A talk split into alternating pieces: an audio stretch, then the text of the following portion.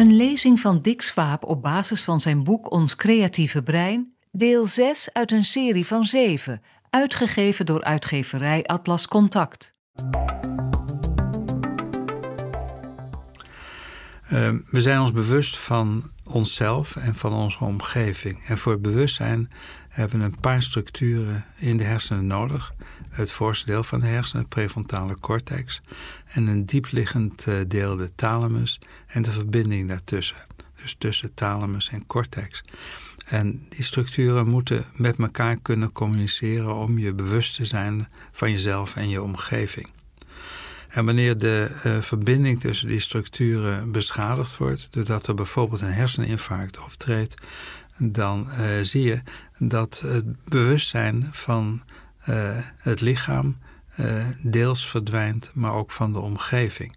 Dus mensen die aan de rechterkant van de hersenen zo'n infarct krijgen, een beschadiging die de vezelverbindingen tussen thalamus en cortex verstoort, dan bestaat de linkerkant van hun lichaam niet meer en bestaat de linkerkant van de omgeving ook niet meer. Als je naar ze toe komt aan de linkerkant van het bed, dan uh, zien ze je niet, ze zien je niet aankomen, maar je bestaat gewoon niet voor ze. Uh, terwijl als je van de rechterkant van het bed uh, aankomt, ze heel gewoon je aanzien komen, terwijl ze je wel zien. Maar ze zijn zich niet bewust van het feit dat ze je zien. En wanneer je zo iemand een poes laat nakijken, uh, natekenen, dan, uh, en die poes heeft uh, zijn staart links en de kop rechts, dan tekent hij alleen die kop aan de rechterkant na. En de linkerkant van die poes bestaat niet. Er zijn ook kunstenaars die uitstekend werk maakten voordat ze zo'n infarct kregen.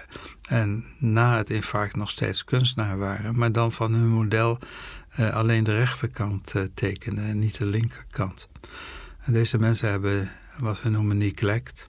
En als je hun eten voorzet, dan uh, eten ze alleen de rechterkant van een bord leeg.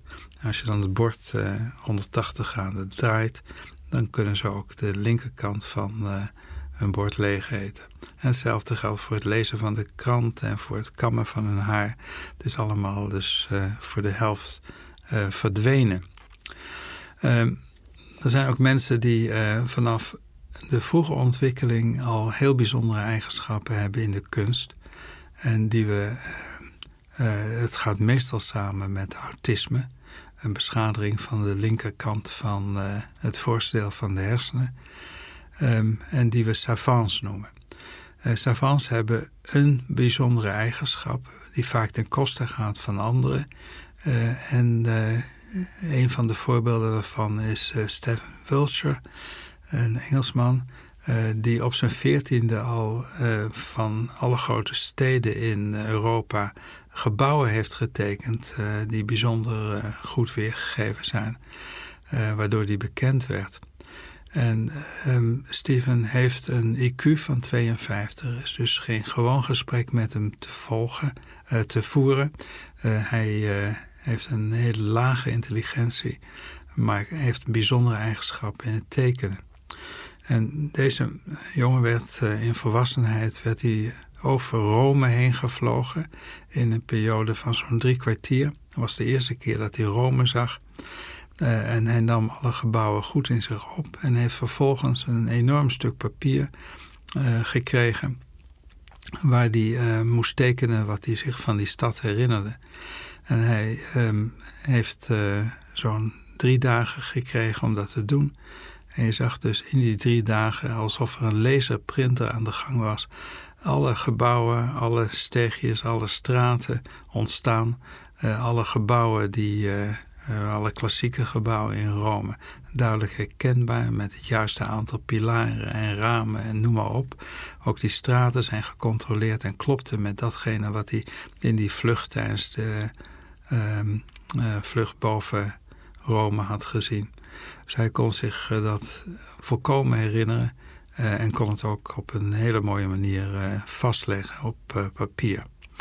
Hoewel die een lage intelligentie had. En savants zijn er die uitsluitend insecten tekenen, um, uitsluitend andere voorwerpen. Eigenlijk tekenen ze nooit mensen. En dat geeft ook aan dat ze in het contact met andere mensen vaak behoorlijk gestoord zijn.